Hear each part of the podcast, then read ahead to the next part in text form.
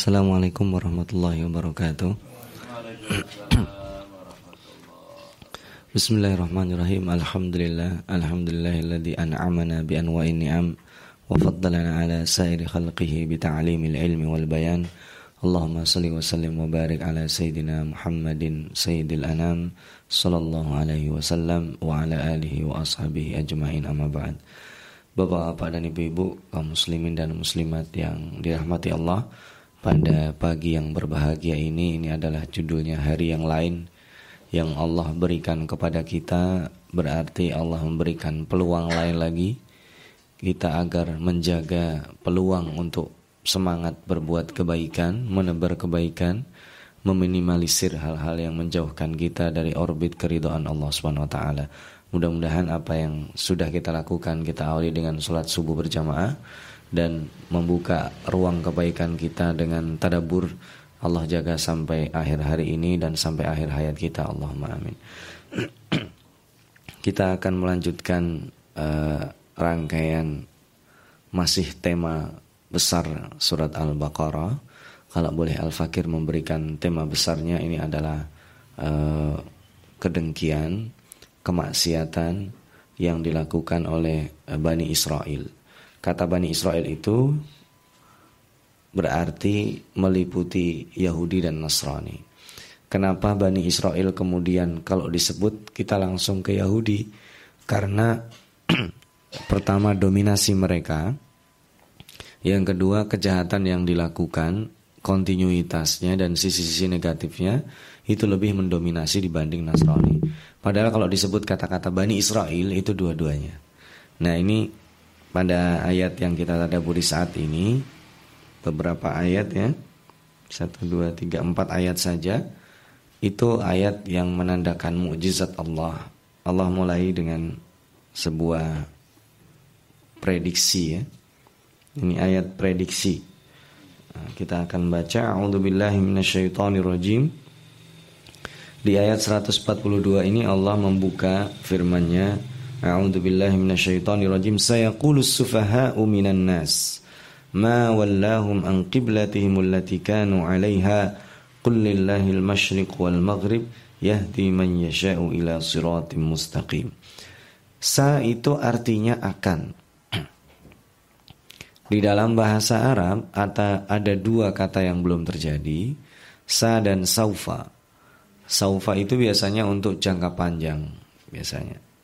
Ketika ada pertikaian, seseorang kemudian diklaim dia bersalah, yang satu lagi benar.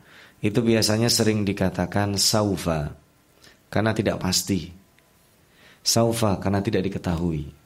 Tapi ketika dikatakan sa itu diketahui dan yang mengetahui itu yang pengetahuannya sangat detil, maka itu pasti terjadi.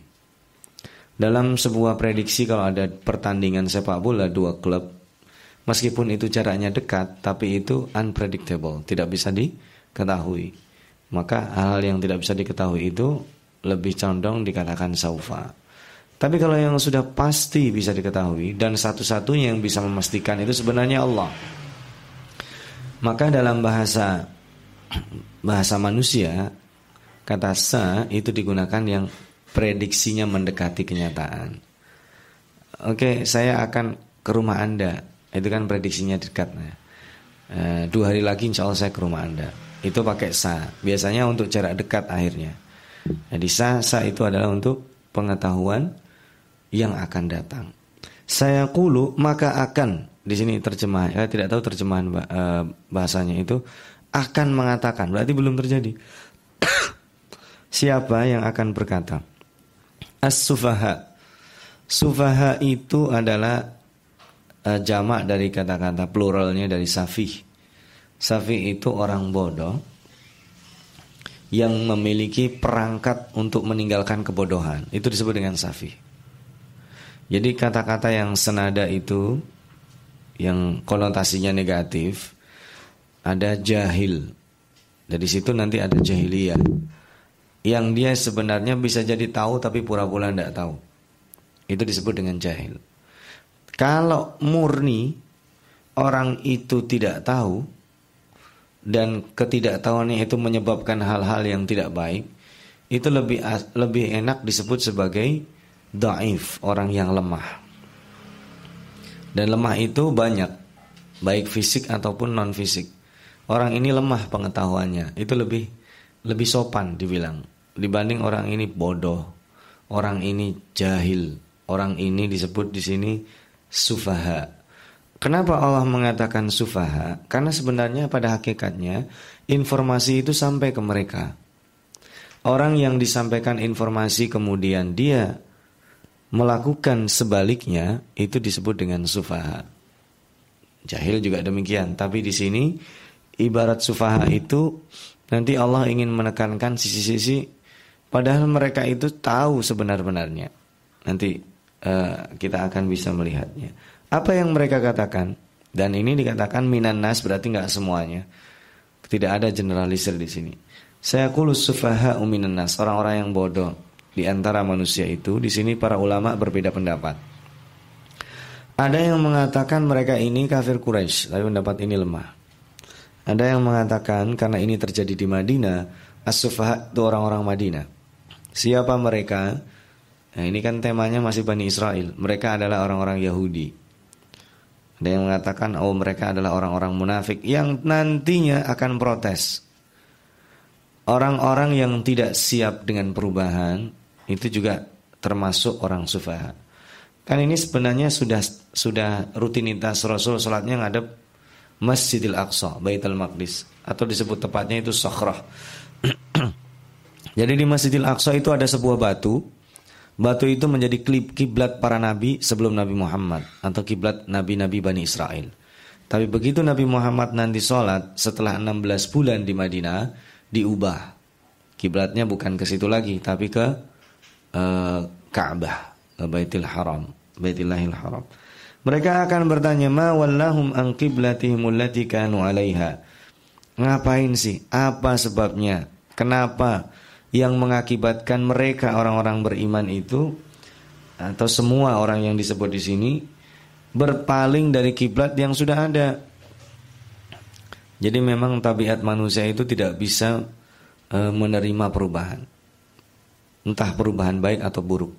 Begitu dia berada di zona aman, dia ingin seperti itu terus. Itu tabiat manusia. Status quo itu sebenarnya melenakan manusia.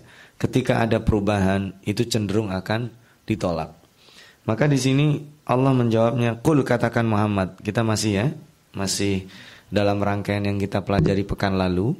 Pekan lalu kita mempelajari uslub apa namanya? Talqin.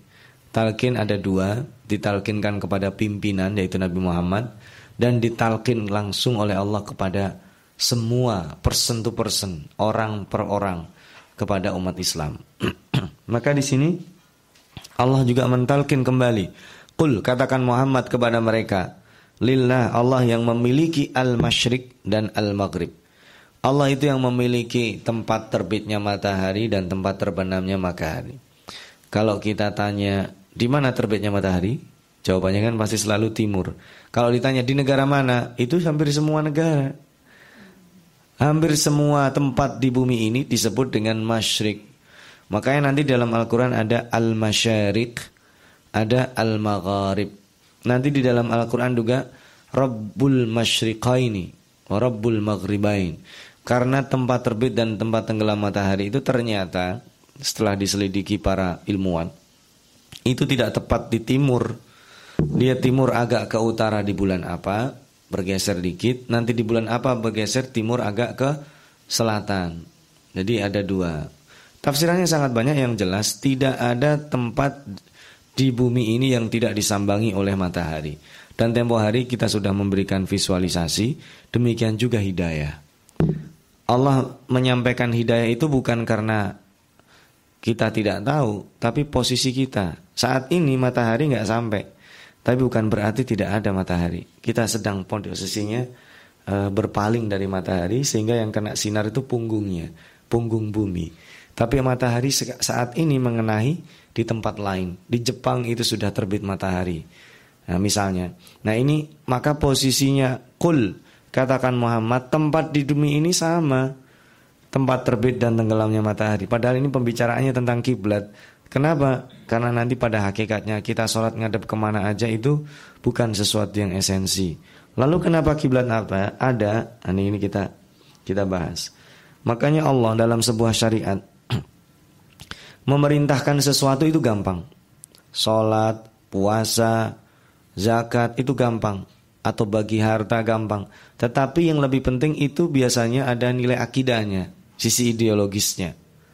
Yas'alunaka anil anfal Bertanya tentang pembagian harta rampasan perang Gampang Kamu dapat seperlima, kamu dapat seperini Gampang Makanya itu dibahas 40 ayat tentang Apa sih dibalik harta itu Maka itu yang lebih penting Diselamatkan dari fitnah harta Kemudian ketika haji juga demikian dalam suratul hajj Ayat pertamanya bukan bahas haji Ada esensi-esensi lainnya Baru dibahas tentang haji setelah ayat ke-26-27 dan sebagainya. Nah, di sini juga gitu. Memalingkan kiblat itu gampang. Maka harus disampaikan esensi pemalingan kiblat itu apa? Yaitu jarak tadi itu, ah, maaf arah tadi. Timur, barat, tenggelam matahari, terbit matahari itu tidak ada artinya kecuali yang memerintahkan Allah Subhanahu wa taala. Makanya bahasanya kul lillah. Kemudian dilanjutkan dia hadi mayyashau ila siratim mustaqim. Dia yang memberikan petunjuk kepada siapa saja yang dikendakinya pada jalan yang lurus. Dan petunjuk itu tadi kalau boleh Al-Fakir eh, berikan visualisasi seperti sinar matahari. Dia adil menyambangi semua orang, tapi pada saat sinar itu sampai ada yang berpaling, ada yang dia menunggu sinar tersebut.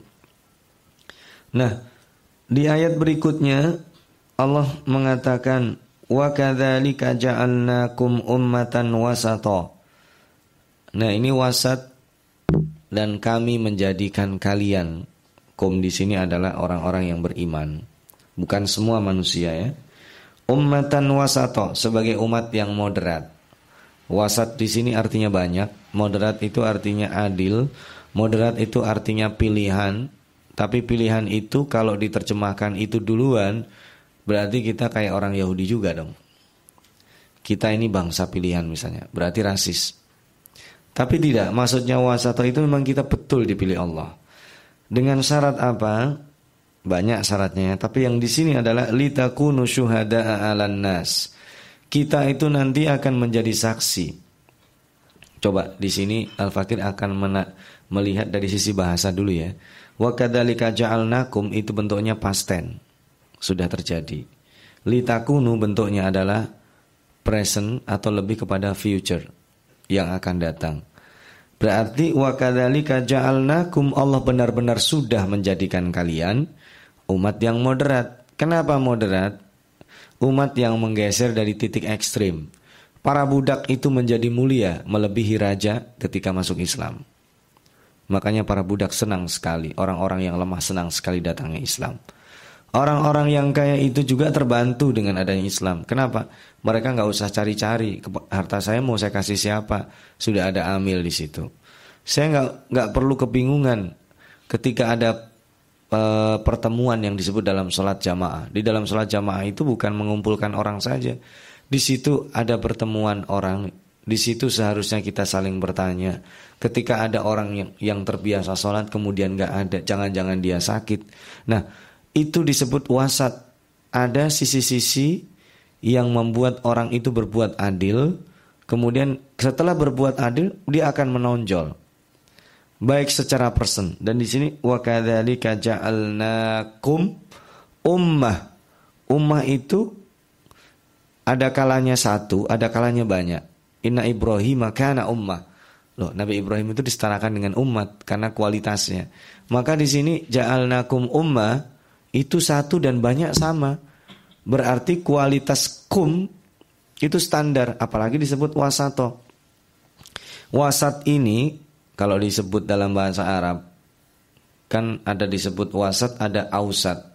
Wasat itu bisa untuk plural, bisa untuk single, bisa untuk laki, bisa untuk perempuan. Maka wakadalika ja'alnakum itu tidak mungkin terjadi tanpa adanya kesalehan individu. Ya, jadi dimulainya dari moderasi individu. Jadi orang itu moderat dari personal. dia orang ini tidak terlalu ekstrim dalam beribadah, tidak juga malas, itu disebut wasat. Berbuat adil itu hak-hak orang lain dipenuhi, tapi dia juga melihat dirinya. Bukan orang-orang ahli kitab itu kan dia memper, menyuruh kebaikan, tapi dia nggak melakukan, itu nggak wasat. Nah, dilanjutkan, jaminannya apa orang yang bisa demikian? Dia akan menjadi saksi. Alan nas, nas di sini dengan nas di atas itu sama. Jadi di sini nas itu yang tadi sufaha tadi itu akan menjadi saksi bagi orang-orang yang bodoh. Ini saksi memberatkan. Nah, dalam pakar tafsir ada yang mengatakan ini saksi memberatkan. Saksi kan ada dua ya, saksi meringankan dan saksi memberatkan. Ini kita akan menjadi saksi memberatkan. Loh, menjadi orang moderat kok malah memberatkan? Sebentar ini konteksnya adalah konteks Bani Israel tadi yang tidak bisa menerima kebaikan. Nanti kita akan lebih jelas lagi yang beberapa kata setelahnya. Dan wayakunur rasulu alaikum syahida. Maka Rasul Nabi Muhammad SAW akan menjadi saksi di atas persaksian kita contoh misalkan saya bersaksi bahwa si A melakukan kesalahan. Kesalahan yang dilakukan dengan sengaja, dia sudah diperingatkan. Itu kita. Nabi Muhammad menjadi saksi bagi kita apa? Yang dikatakan oleh umatku betul ya Rob. Itu loh. Kalau dipikir-pikir persaksian di atas persaksian kuat nggak bapak dan ibu-ibu? Sangat kuat sekali. Berarti ini persaksian atas kesesatan. Padahal judulnya adalah huda, petunjuk. Sebenarnya tersesat itu nggak perlu ada persaksian. Kalau tersesatnya nggak sengaja. Tapi misalkan saja saya ambil sebuah ini ya, sebuah permisalan. Ada sebuah rapat penting sekali.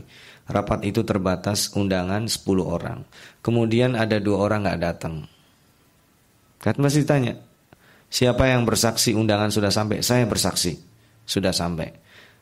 Bukan hanya sampai, kamu udah telepon, saya sudah telepon. Jadi dia tahu hari ini ada rapat, tahu ada rapat. Dia tahu tempat ini, dia sudah tahu tempatnya. Kalau nggak tahu saya sudah jelaskan tempatnya. Lalu kenapa dia datang? Ah itu yang jadi masalah. Di situ.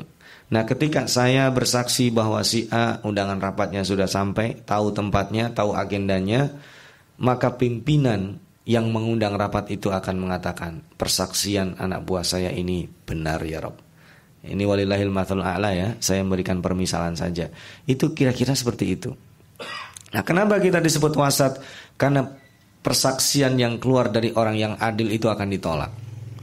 Makanya keadilan dalam wasat itu sebagian besar ya Al-Fakir lihat dalam penaps, eh, dalam uh, buku uh, tafsir. Saya tidak tahu dalam terjemahannya diterjemahkan apa wasat situ moderat atau umat yang adil. Itu persaksian yang diterima adalah orang-orang yang adil. Nah, apa yang mereka tanyakan? Kalau yang pertama, apa yang membuat mereka berpaling? Nah, di sini Allah langsung ngambil closingnya. Wa ma ja'alnal qiblah allati kunta 'alaiha. Kami tidak menjadikan arah kiblat. Kiblat itu arahnya disebut kiblah karena di depan. Kita menghadap sholat kan kiblatnya di mana? Depan atau belakang? Depan. Makanya disebut dengan kiblah. Kiblah. Kiblah itu dari qaf, ba dan lam itu artinya depan ya. Ya, qobliyah itu sebelum kan. Salat sunnah qobliyah berarti ya sebelum, sesudah nggak ada disebut qobliyah. Nah, allati kunta 'alaiha yang kamu yang kamu ada nanti itu yang pertama tadi di atas itu Baitul Maqdis, yang kedua ada yang menafsirkan Baitul Maqdis, ada yang menafsirkan sesudah pindah illa lama mayattabi'ur rasul. Tetapi yang rajih yang kedua itu adalah kiblat yang baru. Ya kan? Kalau yang di atas kiblat yang lama. Yang kedua, kiblat yang baru yaitu Ka'bah. Pemindahan kiblat itu berat. Makanya untuk apa? Untuk mengetahui siapa yang mengikuti Rasul dan siapa yang berpaling. Wa innaha lakabiratun sesungguhnya perpindahan kiblat itu lakabiratun. Ini tafsirannya banyak ternyata. Lakabiratun itu artinya apa? sangat-sangat berat meskipun diterjemah sangat besar illa 'alal ladina hadallah. Kalau dipikir-pikir sebenarnya sederhana ya. Apa sih susahnya kita biasa ngadep ke katakanlah ya kalau Nabi Muhammad ngadep ke utara, tiba-tiba dipindah disuruh ngadep ke selatan. Apa sih bedanya? Oh, jangan dikira itu sesuatu yang mudah. Karena ke utara itu artinya Nabi Muhammad mengakui ada pengakuan terhadap Bani Israel karena itu kiblat nenek moyang mereka. Begitu dipindah itu artinya ada sesuatu. Dan itu simbol kecemburuan mereka. Makanya dikatakanlah kabiroton berat. Loh, kalau berat sebenarnya kan mereka juga nggak beriman. Kenapa? Nah, ini berarti ada orang munafik di sini. Eh, Al-Fakir tidak ingin cenderung mengupas ini karena waktu yang sangat terbatas. Laki beratun itu berat. Jadi uh, Imam Alusi sendiri ada beberapa poin ya Al-Fakir baca di situ. Uh, nanti kita akan lebih menekankan prosesnya saja. Tapi intinya perpindahan itu berat. Nggak usah gitu. Bapak-bapak dan ibu-ibu sudah nyaman di rumah ini. Sudah membuat ritme. Ayo kita pindah. Gimana? Berat nggak? Ayo kita pindah. Meskipun itu pindahnya ke rumah yang lebih bagus. Kenapa? Karena ada penyesuaian. Alasannya kan penyesuaian. Pindah itu walau bagaimanapun juga tetap sulit anak SD udah lulus, dia pindah SMP, pasti akan sulit. Anak disuruh pindah, itu kalau yang tanpa nilai ideologis aja sulit, apalagi ini sudah ideologis mengakar. Gitu. Jadi orang sudah berkiblat kepada Amerika, kiblat ekonominya, kiblat ideologisnya, kiblat peradaban. Kemudian tiba-tiba disuruh pindah ke Makkah. Bisa nggak itu? Ya, saya biasa memakai baju terbuka, sekarang disuruh nutup aurat. Ya itu pindah kiblat juga kan. Saya terbiasa makan junk food, uh, makan makanan fast food cepat. Sekarang disuruh makan makanan yang alami tanpa daging dan sebagainya, disuruh ninggalin nasi misalnya. Itu perpindahan kiblat itu berat, apalagi yang disertai nilai ideologis. Ini kan ideologis, sangat ideologis sekali. Nah, kita bahas ya dalam beberapa waktu sisa yang tersisa. Qad nara taqalluba wajhika fis sama. Ini di dalam Al-Qur'an itu kata-kata na nun kami ya artinya itu tidak bisa diperspektifkan sama dengan kami bahasa Indonesia. Di dalam Al-Qur'an yang kami itu banyak ya. Inna khalaqnakum. Kami menciptakan kalian. Rozaknakum. Inna arsalna. Kami mengutus para nabi semua yang ada na itu di samping menunjukkan keagungan Allah itu menunjukkan adanya proses keterlibatan orang lain. Rozaknakum kami memberi rizki itu Allah nggak mungkin langsung kasih duit ke kita. Makanya disebut na ada proses. Nanti ada yang gaji kita, ada orang yang ngasih duit ke kita melalui jual beli. Itu na karena ada manusia terlibat. Khalaqnakum yang diciptakan itu hanya Nabi Adam secara langsung, sisanya nggak langsung. Makanya nah ada keterlibatan bapak ibu kita. Ya kan? Tapi kalau untuk ibadah itu nggak ada nah, pasti semuanya nih. Coba bapak-bapak ibu cari wa'budni itu selalu nggak ada wa'budna nggak ada atau wa'budullah karena beribadah itu hanya satu nggak boleh ada keterlibatan yang lain. Iya karena abud itu sudah dikunci iya ka satu. Nah di sini kodenara ada keterlibatan yang lain. Keterlibatan yang lain selain Allah itu makhluknya dan sebagainya. Tapi di sini nunul azama itu artinya kami yang berkuasa, kami sudah memperhatikan. Qad naro, bahasanya juga bukan bahasa pasten. Naro itu sekali-kali kalau dalam bahasa bahasa Arabnya. Kadang-kadang, bukan berarti Allah tidak melihat. Karena yang dilakukan Nabi Muhammad tidak selamanya demikian. Wajhika fis sama. Ini ada yang mengatakan menerjemahkan taqallub itu harapan. Tetapi ada para ulama yang mengatakan dalam tanda kutip aib bagi Nabi Muhammad itu minta perpindahan kiblat karena itu sangat ideologis. Wahyu itu tidak pernah diminta oleh Nabi Muhammad, tidak tamak dia. Tapi ada beberapa hal, makanya ada yang mengatakan kita boleh mengambil pendapat bahwa uh, meminta sesuatu yang berhubungan dengan wahyu itu boleh bagi para nabi. Gini. Nabi Muhammad ketika kiblatnya 16 bulan itu ya ke arah Baitul Maqdis ya wajar ya manusiawi dia ngelihat ke atas Allah tahu hatinya. Ternyata Nabi Muhammad itu menginginkan kapan ya atau mimpi berhayal kiblat itu pindah ke kampung halamannya. Pindah ke Ka'bah yang dibangun oleh nenek moyangnya, Nabi Ismail dan Nabi Ibrahim. Dan itu wajar, diperbolehkan. Ada yang mengatakan sampai berdoa, juga boleh, nggak ada masalah. Tapi takallub di sini tidak berarti doa. Makanya yang mengatakan berdoa itu sebagian ulama. Nah, kalau jumhur mengatakan perubahan itu hanya perasaan Nabi Muhammad. Makanya langsung falanu walliyannaka qiblatan tardaha. Maka kami palingkan arah kiblat sesuai yang engkau uh, inginkan. Maka bahasa yang dipakai di sini tardoha, ridho. Ridho itu lebih bukan dari sekedar kamu sukai Ridho itu puas, kepuasan. Meskipun itu juga susah. Terjemahan kata-kata ridho itu perlu uh, pelajaran yang baru. Jadi tardoha di sini supaya kamu puas. Tapi bukan berarti Allah memuaskan Nabi Muhammad, bukan. Di sana ada hikmahnya nanti yang akan diketahui. Makanya Allah langsung ah inti dari yang kita pelajari hari ini ini kata-kata ini. Fawalli wajhaka syatrul masjidil haram. Kata-katanya luar biasa. Fawali palingkan. Jadi kalau kita ada di sini langsung mengarah. Jadi ibarat kompas ya, jarumnya itu langsung menunjuk. Sama manusia, ke mana pun dia, kalau mau sholat diarahkan. Wajahaka, wajahnya. Oh, boleh dong berarti saya sholat begini? Madam kiblatnya begini. Ya nggak apa-apa, asal sujudnya bisa begini. Ya kan? Gak mungkin lah. Nah itu ya letter luck wajah itu itu pilihan tempat paling mulia. Maka dia representatif manusia. Arah itu. Nah yang menarik itu kata-kata syatrul masjidil haram. Ke arah. Makanya nggak bisa orang mengklaim kan tempo hari ya kami di majelis ulama pernah berdiskusi kiblat kita itu salah ngadepnya ke barat.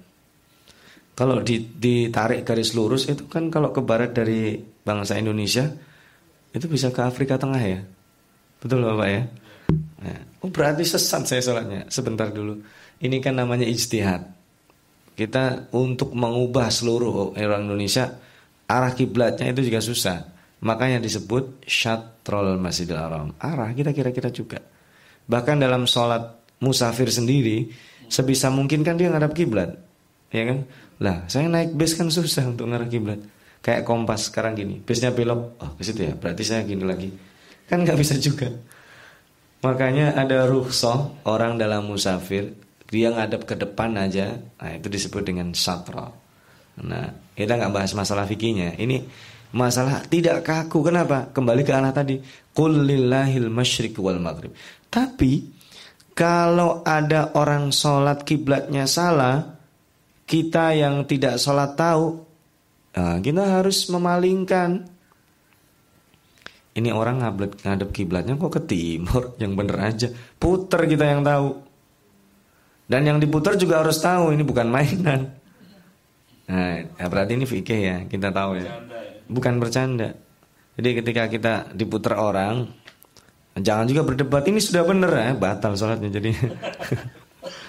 nah, jadi kalau kita tahu, bapak tahu ya, misalkan ada orang sholat salah itu, ya. misalkan sholat, ya kalau di sini sih insya Allah enggak, karena rata-rata kata sholat kan masjid juga banyak. Ketika kita bepergian ke daerah minoritas Muslim, kemungkinan terjadi seperti ini ada. Apalagi nanti masuk hotel, nah hotel biasanya kan ada itu arah kiblatnya. Nah, ternyata enggak ada apa yang kita lakukan? Cari matahari ya udah tenggelam malam. Masjid nggak ada, tapi sekarang sudah dipermudah. Tinggal download aja itu apa arah kiblat itu itu tingkat uh, apa validasinya ya, validitasnya cukup tinggi. Jadi sekarang eranya era digital semua. Hampir rata-rata kita memiliki handphone, apalagi punya smartphone, itu ada aplikasi arah kiblat. Bukan hanya arah kiblat, waktu sholat di seluruh dunia sudah bisa diakses. Jadi kita sebenarnya sekarang beribadah sangat lebih mudah dibanding orang dulu. Orang dulu itu patokannya bintang lah mendung kayak gini gimana, ya kan? Makanya kata-kata syatrul masjidil haram itu luar biasa.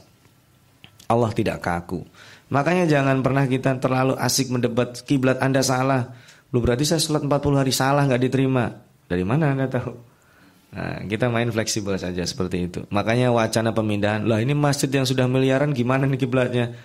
Pindah aja. Nah, eh, kita keluar dari polemik itu. Karena dengan ayat syatral Masjidil Haram di sini nanti diulang di eh, pekan depan kalau ada waktu kita kita bahas lagi kalau kita ditemukan Allah kembali. Maka kata Allah, fawallu diulang lagi di sini. Wahai kuntum di mana pun anda berada Fawallu wujuhakum Maka palingkan mukamu Hadapkan muka kalian Wajah kalian syatrah. Diulang lagi kan?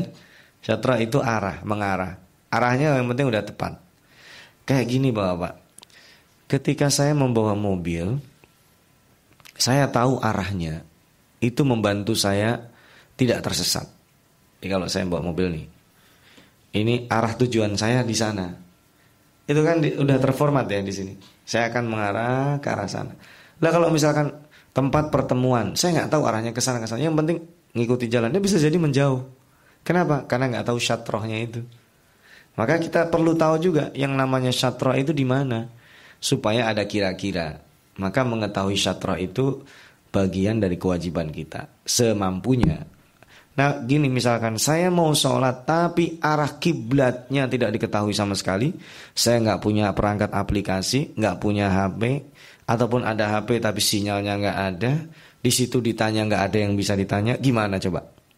Ya sudah Sholat berdasarkan anda yakin menghadap kiblat Itu maksudnya fawallu wajuhakum syatrah Nah tema ini kembalikan lagi Wa innal ladina utul kitab, orang-orang yang diberikan kitab itu la ya'lamuna, sungguh mereka tahu annahul haqqu mirabbihim. Perubahan itu bukan mainan, itu sungguh dari Allah. Jadi mereka menganggap ini permainan saja. Itu konferensi pers mereka. Hakikatnya mereka tahu kok yang nyuruh pindah itu Allah. Mereka hanya dengki saja. Wa bighafilin amma ya'malun. Nah, tafsiran yang ayat terakhir itu dahsyat ya. Wala in ataital ladina utul kitaba bikulli ayatin ma tabi'u qiblatak. Seandainya Anda Muhammad. Kenapa Nabi Muhammad? Karena tadi uslub talqinnya. Anda mendatangkan kepada mereka para ahli kitab, orang-orang Yahudi, orang-orang Nasrani, bikulli ayat, semua bukti-bukti yang mengatakan bahwa kiblat ini betul suruhan Allah. Datangkan semuanya. Malaikat Jibril suruh datang. Apalagi Jibril. Kan udah punya sentimen dengan Jibril ya kemarin ya. Nggak bisa. Semua didatangkan. Ma tabi kiblatak mereka nggak akan pernah menghadap kiblat anda. Dan sudah ada tes case-nya ya. 16 bulan kiblat ke Baitul Maqdis. Berapa orang Yahudi yang masuk Islam ya susah ya karena bukti sejarah nggak ada ada mungkin tapi berapa yang masuk Islam Kalaupun ada satu dua aja. 16 bulan itu kan itu tes dari Allah. Mendekatkan ikatan ideologis. Kan setidaknya Bani Israel kan senang harusnya. Nih katanya umat pilih apa nabi pilihan dia ngadepnya ke kiblat kami juga. Kesamaan itu harusnya membawa dia, membawa mereka itu mengkaji dan menerima kebenaran. Ternyata tidak kan? Makanya ketika dipalingkan dan mereka tahu itu pemalingan itu dari Allah, itu nggak mungkin. Nah, wama anta dan anda Muhammad bitabi qiblatahum tidak mungkin juga kembali kepada kiblat mereka supaya mereka senang. Nggak ada itu cerita. Nah, ini tambah lagi wama ba'duhum bitabi qiblata ba'd. Ini sebagian mufassirin ada yang menafsirkan Yahudi dan Nasrani. Orang Yahudi nggak pernah akan mengakui orang Nasrani. Orang Nasrani juga demikian. Kiblat mereka masing-masing berbeda. Ini sudah pernah kita bahas ya. Orang Yahudi itu juga surga yang disebut mereka masuk surga beda dengan surganya orang Nasrani. Perspektif mereka itu berbeda karena sangat ideologis. Nah, makanya Allah di sini mengclosing gini. Wala ini taba'ta ahwa'ahum. Jika Anda Muhammad mengikuti keinginan mereka yang disebut dengan ahwa hawa nafsu mereka mimba dimaja'aka minal ilm setelah Anda tahu, maka ini disebut dengan ilm. Ilm di sini adalah klimak tertingginya yaitu wahyu. Di ilmu dan hikmah paling tinggi itu wahyu. Karena tingkat kebenarannya itu 100% dari Allah. Dan kenapa Allah itu perlu malaikat Jibril bukan Allah perlu bantuan? Allah ingin menguji validitasnya. Nah, pernah mudah-mudahan pernah Al-Fakir bahas ya, tapi kalau di pengulangan tidak apa-apa. Pernah nggak kita bertanya bapak-bapak dan ibu-ibu, kenapa Allah itu perlu mengutus malaikat Jibril untuk menurunkan Al-Quran? Kan bisa aja Allah ngomong langsung kan? Kan toh disebut dengan kalamullah kan? Apa kira-kira hikmahnya Allah menurunkan malaikat Jibril? Di situ untuk menguji validitas dan amanah Rasulnya. Jibril itu utusan Allah. Dicek, dikurangi nggak sama Jibril? Buktinya apa? Enggak kan? Nah itu. Maka ketika sampai ke Nabi Muhammad itu orisinal, Nabi Muhammad ke kita juga orisinal. Karena itu sudah dibuktikan oleh Allah Subhanahu wa taala. Bukti penjagaan. Makanya dalam penurunan wahyu itu bahasanya inna arsalna, inna anzalna. Jadi kita udah bahas ya. Nah, itu berarti ada keterlibatan pihak lain. Bukan berarti Allah membutuhkan. Allah ingin menunjukkan penjagaan Allah Subhanahu wa taala. Kalau Anda sudah sampai informasi kiblatnya, nah ini Al Fakir akan ceritakan detailnya, maka Anda termasuk orang-orang yang zalim. Nah, zalim itu mengerikan di dalam Al-Qur'an ya, dimensinya banyak. Tapi yang jelas dalim itu adalah salah satu bentuk kesesatan. Nah, lain waktu kita bahas kezaliman, Al-Fakir ingin menjelaskan secara teknis begini.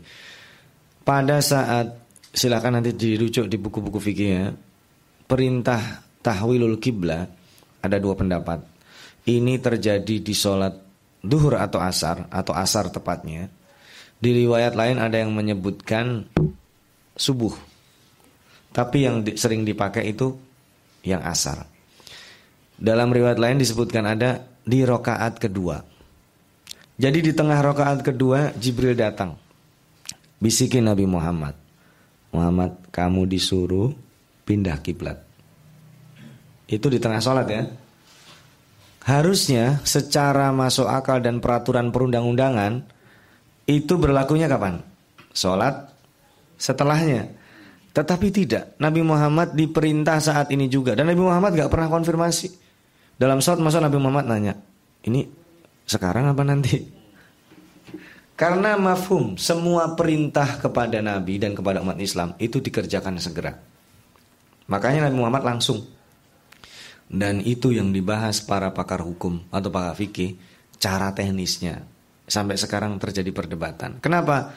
Karena kiblatnya dari utara menuju selatan. Itu artinya imam yang ada di utara dia harus pindah ke paling selatan.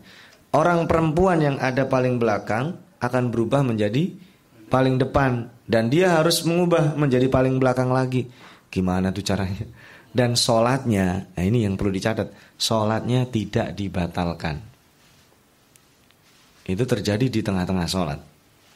Gimana? Tapi jangan dibayangkan itu mah nggak banyak eh, terjadi saat itu mah nggak mungkin nggak tahu ada 100 orang apa nggak saya juga kita nggak tahu juga kan nah, jangan dibayangkan wah gimana itu? Coba jamaah sholat subuh kita tadi aja itu disuruh tahwil kiblah aja ribet kan? Saya keluar permisi kita kan susah juga udah batal gitu kan? Nah, tapi itu terjadi. Dan itu tidak ada yang mengatakan sholatnya berhenti nggak terjadi di tengah sholat. Nah harusnya filosofinya apa? Gini, harusnya kan Jibril ente kan paham kita lagi setengah sholat ntar aja ya ngadep kiblatnya. Bisa. Tapi itu tidak terjadi. Karena fauria sama dengan Nabi Ibrahim ketika disuruh hitan pernah ada dengan kabar di hitan Nabi Ibrahim itu pakai batu ya. Tapi kita kan sering diguyonin.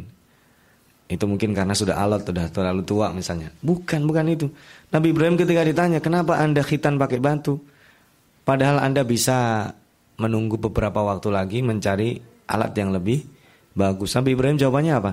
Saya khawatir kalau saya tunda maka cinta Allah akan berkurang atau jangan-jangan tertunda turun kepada saya. Itu alasan yang paling tepat sebenarnya. Lagi pada saat turunnya ayat hijab yang menutup aurat itu ya bagi umat muslimat di zaman Nabi itu pada pengajian subuh hampir sama kira-kira seperti ini toko-toko belum buka. Tapi yang dilakukan kaum muslimat itu yang di yang di dekat masjid atau di rumahnya itu taplak-taplak meja, hordeng-hordeng yang kecil langsung dipakai menutup kepala dan uh, eh, aurat mereka.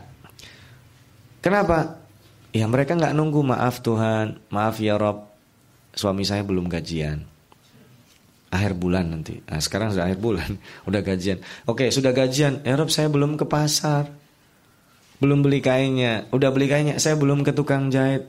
Boleh nggak saya pakai hijabnya minggu depan? Kan harusnya gitu. Tapi tidak tahwilul kiblat, turunnya ayat hijab, hitannya Nabi Ibrahim itu begitu kita mengetahui kebaikan, lang jangan ditunda.